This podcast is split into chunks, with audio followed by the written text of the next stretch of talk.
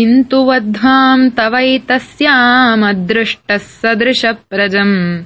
न मामवति मेदिनी